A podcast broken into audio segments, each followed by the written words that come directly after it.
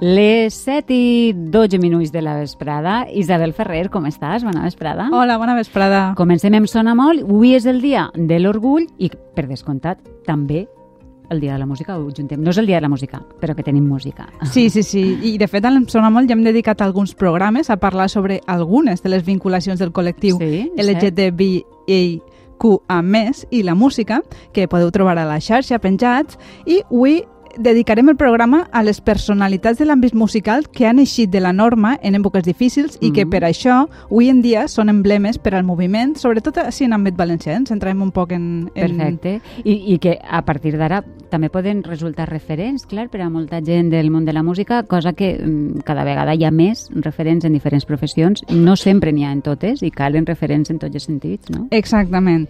Sí, i començarem per una de les personalitats més reconegudes dins i fora del col·lectiu per haver patit les vicissituds del règim, que va ser Miguel de Molina. Cert. No perquè fora valencià, que no ho era, sinó perquè va passar part rellevant de la seva vida professional en terres valencianes. Mm. Fem un breu resum de la seva història.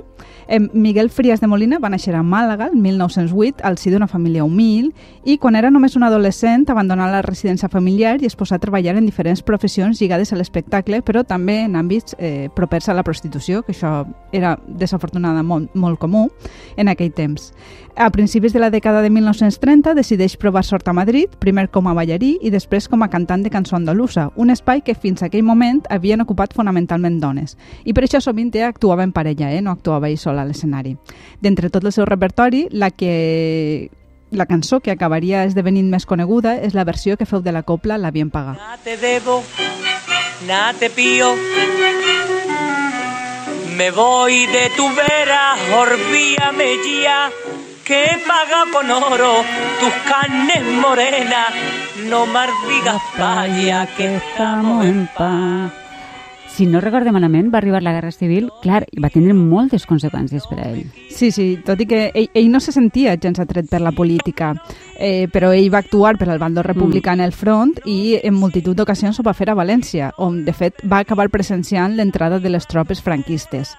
Ja instaurat per força el règim franquista, encara que Miguel de Molina primerament va obtenir un treball, guanyant molt més del que guanyava abans, eh? la fidelitat al bando republicà i el fet que mai va ocultar la seva homosexualitat generaren que set mesos després de la fi de la guerra fora detingut per tres individus del govern i li propinaren una brutal pallissa. Més tard el confinaren durant alguns mesos a Bunyol, on he llegit que encara viuen persones lligades, lligades amb ell, Ah, i bé, en qualsevol cas, finalment el règim el va convidar, eh, anem a dir-ho així, a eixir d'Espanya, una decisió que acabaria prenent a, a finals de 1942. i com, tants altres exiliats del món cultural que hi va haver, no, Mm. Isabel? Mm. I bé, eh, va viure a Argentina, on roman encara enterrat, i tot i que ell va fugir sempre de les etiquetes, a partir de, de l'arribada de, la, de la democràcia, als anys 70, va començar a ser reivindicat com una de les personalitats capdals en la construcció de la memòria històrica per a l'esquerra i per al moviment LGTBIQA+. Pasaban los hombres y tú sonreías hasta que a tu puerta paré mi caballo. Serrana, me das candela y te doy este clavel. Y yo te dije, ah, adeu, adeu. y yo te dije, no dite el que yo me sabía. Serrana me da candela y yo te dije, no sé, és igual, perdona Isabel, eh? eh estem escoltant Ojos Verdes, és que jo me la sabia, que és una altra de les peces cabdals de, de la música d'aquell temps. No? Sí, és que és impossible no, no saber-se-la, saber-se, si més no un no? trosset, sí, no? Cantar-la. clar. Sí, la, la posem de fet perquè és un dels temes que va compartir amb una de les valencianes més internacionals, que és Concha Piquer, i de la relació entre cometes de competència que entre Miguel de Molina i Concha Piquer s'ha parlat moltíssim. Sí. Eh, hi ha qui diu que Miguel de Molina va tindre enveja de l'èxit de la valenciana i va culpar Piquer de la seva situació de desterrament i exili, o al revés, que Concha Piquer va vendre's i va acostar-se al règim.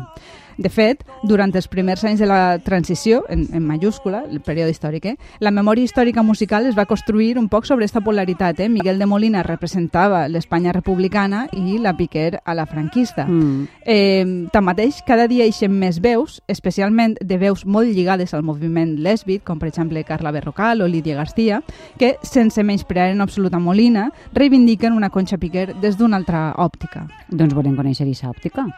Doncs esta reivindicació de Concha Piquer es basa en la idea que les dones del món de l'espectacle, més enllà de ser objectes fàcilment sexualitzables o apropiables eh, per part de la política, també representaren per a, per a la resta de dones models d'independència econòmica i social que es rebel·laren contra la subordinació masculina gràcies al poder que els donava la, la popularitat que Sí. tenia, no? I en aquest sentit, Concha Piquer és llegida actualment com una dona que va trencar convencionalismes i era empresària de- d'ella mateixa de, i era cap no? de moltíssima gent, que va tractar de tu a molts polítics poderosos i va reivindicar que les professions artístiques, per molt boniques que siguen, també s'han de cobrar degudament, no? Que és una cosa que, sí, s'oblida. I tant que sí, que s'oblida en moltes professions també, Mm. però especialment en esta. La figura de Concha Piquer eh, dona peu a moltes lectures aleshores. Hmm, sí, I, inicialment la seva història havia estat llegida com la de moltes xiques que, que des d'una família humil de llauraos o jornalers arribaren a triomfar a l'espectacle. Però és cert que la seva vida és del tot excepcional. Mm. Quan era només un adolescent, el compositor Manuel Penella se la van portar a Nova York i, ell, i ell actuaria a l'entreacte de la representació de l'òpera El gato montés, mm, interpretant la cançó El florero de Penella, que ara l'escoltarem. En todo el mundo.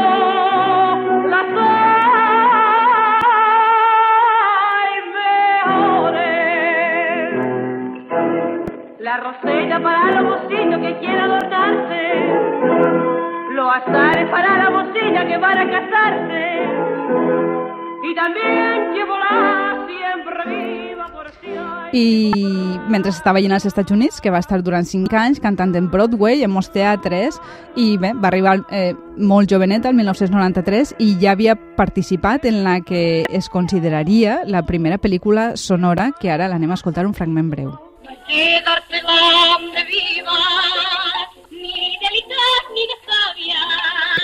Que la viva está en las hembras, que la viva está en las hembras, no dejaste a los També, també és un xicot de tresor, eh? Sí, Caram. sí, sí s'ha trobat fa poc esta, esta, Ah, sí? de, esta cinta de vídeo. Fa, i es, es, crec que es pot veure en YouTube, que l'han penjat eh, Sí. Radio, Radio Televisió Espanyola. Ahà. Es va trobar als Estats Units. I bé, després de totes aquestes gestes que, que no sé si ella mateixa en aquell moment era conscient, conscient, de tot no? el que estava fent, Mm. a finals de la dècada dels anys 20 tornaria a Espanya i amb tot el que havia pres a Amèrica va construir-se com una artista eh, amb tots els èxits de tonadilles i cançó que, que coneixem, no? Mm, I que hem sentit casar, ai, cantar a les cases, per això molt les sabem, no? De les nostres mares, de les nostres Sí. iaies, és el que sonava sempre. Sí, sí, i de fet, l'observació d'este cant casolà, per dir-ho així, eh, de, de les nostres mares i de les nostres iaies, és d'on ve d'una de les idees que més ha ajudat a que actualment Concha Piquer la, la seva lectura vagi més enllà del franquisme. És una idea que va tindre la investigadora Stephanie Seaworth en un llibre que es diu Coples para sobrevivir Mm. i que explica que les coples es cantaven en la postguerra, moltes d'elles popularitzades entre altres per Concha Piquer, no només les coples aquestes no només eren unes melodies que acompanyaven les tasques de neteja, eh? Ella diu que a través d'estos cants es pogueren dir en veu alta sentiments de por, de dol o de desamor, és a dir, que eren els arguments de les coples habituals, no només des del punt de vista este amorós o sentimental, eh, sinó també per expressar este dol polític, dol per persones que no havien estat, que s'havien perdut, o també sentiments amorosos que condemnava el franquisme i que a través de la copla es podien Mm, cantar. Clar, Mm. o sigui, és a dir, que a través de, de la cobla de les seues lletres, no?, es deien coses que en realitat no es podien dir. Hmm, això és la idea resumida del llibre i, de fet, hi ha molts aficionats, especialment gais, a tot este món, perquè la copla va ser un espai molt utilitzat des del, per exemple, el transformament sexual, tant abans com després de la dictadura. Mm, expliquem un poquet més això. Doncs el món de l'espectacle sempre ha estat un espai privilegiat per explorar altres formes d'expressió aprofitant els mons com paral·lels eh, que s'estableixen en l'escenari. Una d'aquestes possibilitats d'exploració és la de allò que s'anomena tècnicament performar el gènere, és a dir, jugar amb la idea de ser home o dona Mm. i qüestionar les eh, conseqüències que això implica. De vegades, quan vegem ara ho diré com a sinònims, però no ho són, eh? transformistes, persones transvestides, drag queens o drag kings, que seria el model femení. Pensem que és un espectacle frívol, sense més, i molt sovint ho és, eh? i és totalment legítim que sigui així, però té unes idees de fons que són molt, molt profundes i intenses i que crec que paga la pena repassar. Sí. I és que en este món del transformisme, allò que s'està dient és que cada dia, quan ens alcem i decidim posar-nos una roba i moure'ns d'una determinada forma, tots estem interpretant un personatge que s'adequa en menor o major mesura a unes normes i a unes idees del que s'espera que fem com a, com a homes i com a dones, no? Les dones saben què passa si eixim al carrer amb roba ajustada o, o, o, o curta o amb xandalle, saben que passen coses sí, sí. diferents, o els homes si eixen maquillatge o amb talons o si eixen de traje, no? Com per exemple sabem que en el passat això es donava, no? En el barroc Mhm. els homes es maquillaven i anaven amb, amb talons, no? El que reivindica el transformisme qüestiona tot això, qüestiona que, que isquem en aquestes normes, eh? I a més de reivindicar-ho fa des d'un espai carnavalès, festiu, no? Que ha estat, diria que també molt infravalorat, no? Per fer-ho des d'este des d'este Absolutament, sí. I també molt perseguit, no? Hmm. Sí, no només perseguit pels sectors conservadors, sinó també pels progressistes, perquè es considerava que tot allò transvestit o homosexual se n'eixia de la norma i, i com que podia ser un perill per al progrés social, eh? com que entrava tot en un pack que, que, no, que, no, que, que no ens faria avançar, no? De fet, és, són un dels col·lectius amb unes condicions de vida més precàries i estigmatitzats i que han patit molt, eh? darrere del brilli-brilli de l'espectacle s'ha patit molt de moltíssim. patiment. Hmm. I bé, tornant un poc al, al món València, així en València, d'este món de l'espectacle, probablement una de les figures més conegudes hagi estat la, la Margot, que és l'al- l'alter ego artístic d'Antonio Campos, que es feu famós a partir de les imitacions de Sara Montiel i d'espectacles lligats al món de la revista.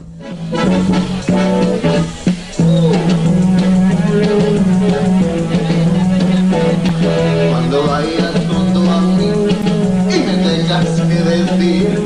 cariñito, dímelo bajito.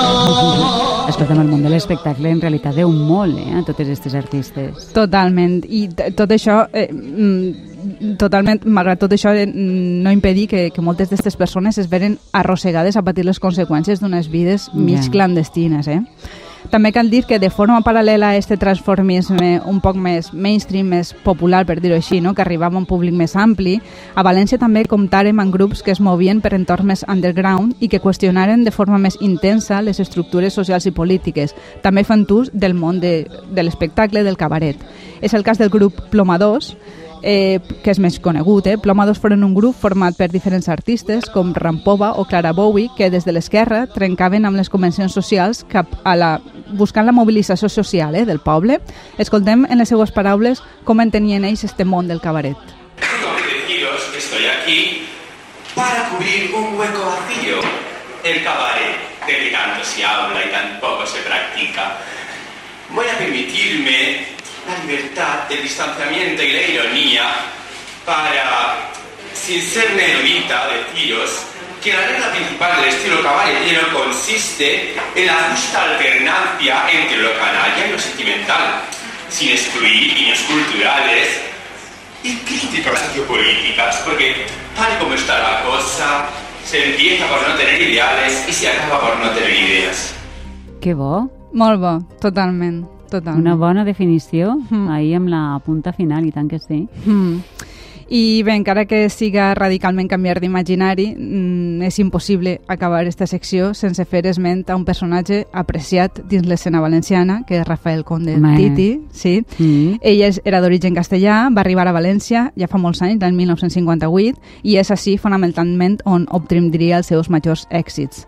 D'entre ells tenim Liberatec, una cançó sorprenent per a l'època, que és de finals dels 70 i que actualment és ja tot un himne. Per favor, anda.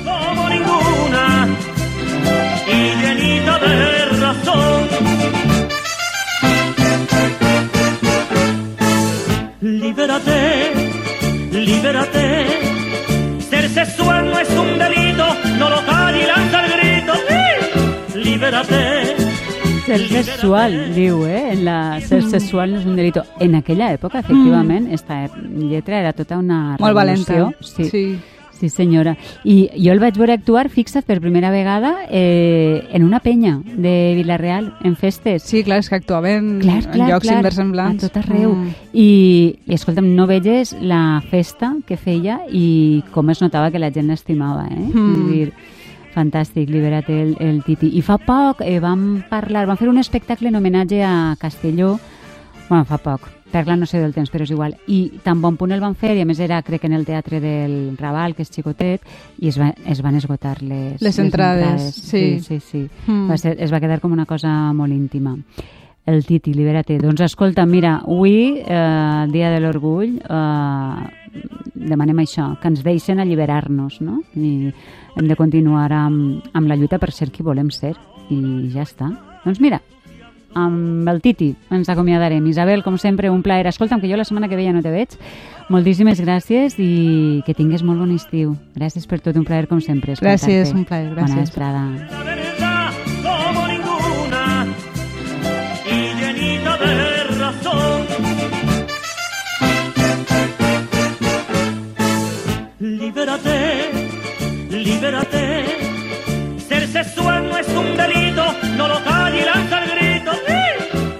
Libérate, libérate. Si estás vivo y no estás muerto, a darle gusto a tu cuerpo. Lanza al aire tu pancarta, no la quieras ocultar. Y con mal rayo le marta a quien no quiera mirar. Libérate. Doncs jo què volen que es diga? Com diria? Bueno, no, anava a dir fin de la cita, però això, no me casa gens en això. No, això ho deia l'altre. No afegim res, eh, libera-te. Amb el Titi acabem en un dia com avui, el dia de l'orgull. Els agraïm a tots vostès eh, que ho hagin fet possible un dia més, que estiguen ahí dia rere dia, amb tota la llibertat del món per a triar-nos i per a compartir els minuts, les hores i els dies. Demà tornem a les set i mitja, que acabem de passar una bona vesprada. I, si poden, doncs, amb tota la llibertat, una millor nit. Libérate, libérate. Sexual no es un delito, no lo calle y lanza el grito. ¡Sí! Libérate, libérate. Si estás vivo y no estás muerto, a darle gusto a tu cuerpo. Lanza al aire tu pancarta, no la quieras ocultar. Y con mal rayo le marta a quien no quiera mirar.